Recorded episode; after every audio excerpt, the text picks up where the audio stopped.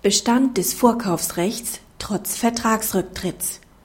Ist ein Vorkaufsrecht durch den Vorkaufsfall entstanden, kann dieses nicht durch den Rücktritt einer Vertragspartei vernichtet werden.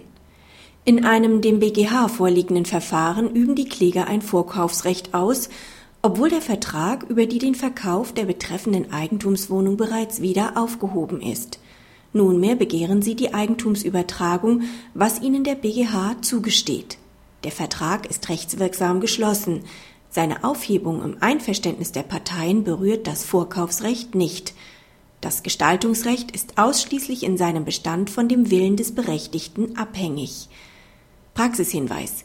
Der BGH setzt seine nur in der Begründung teils auf Kritik gestoßene Rechtsprechung fort. Jede andere Ansicht führte dazu, dass das Vorkaufsrecht durch die Kaufvertragsparteien zunichte gemacht werden könnte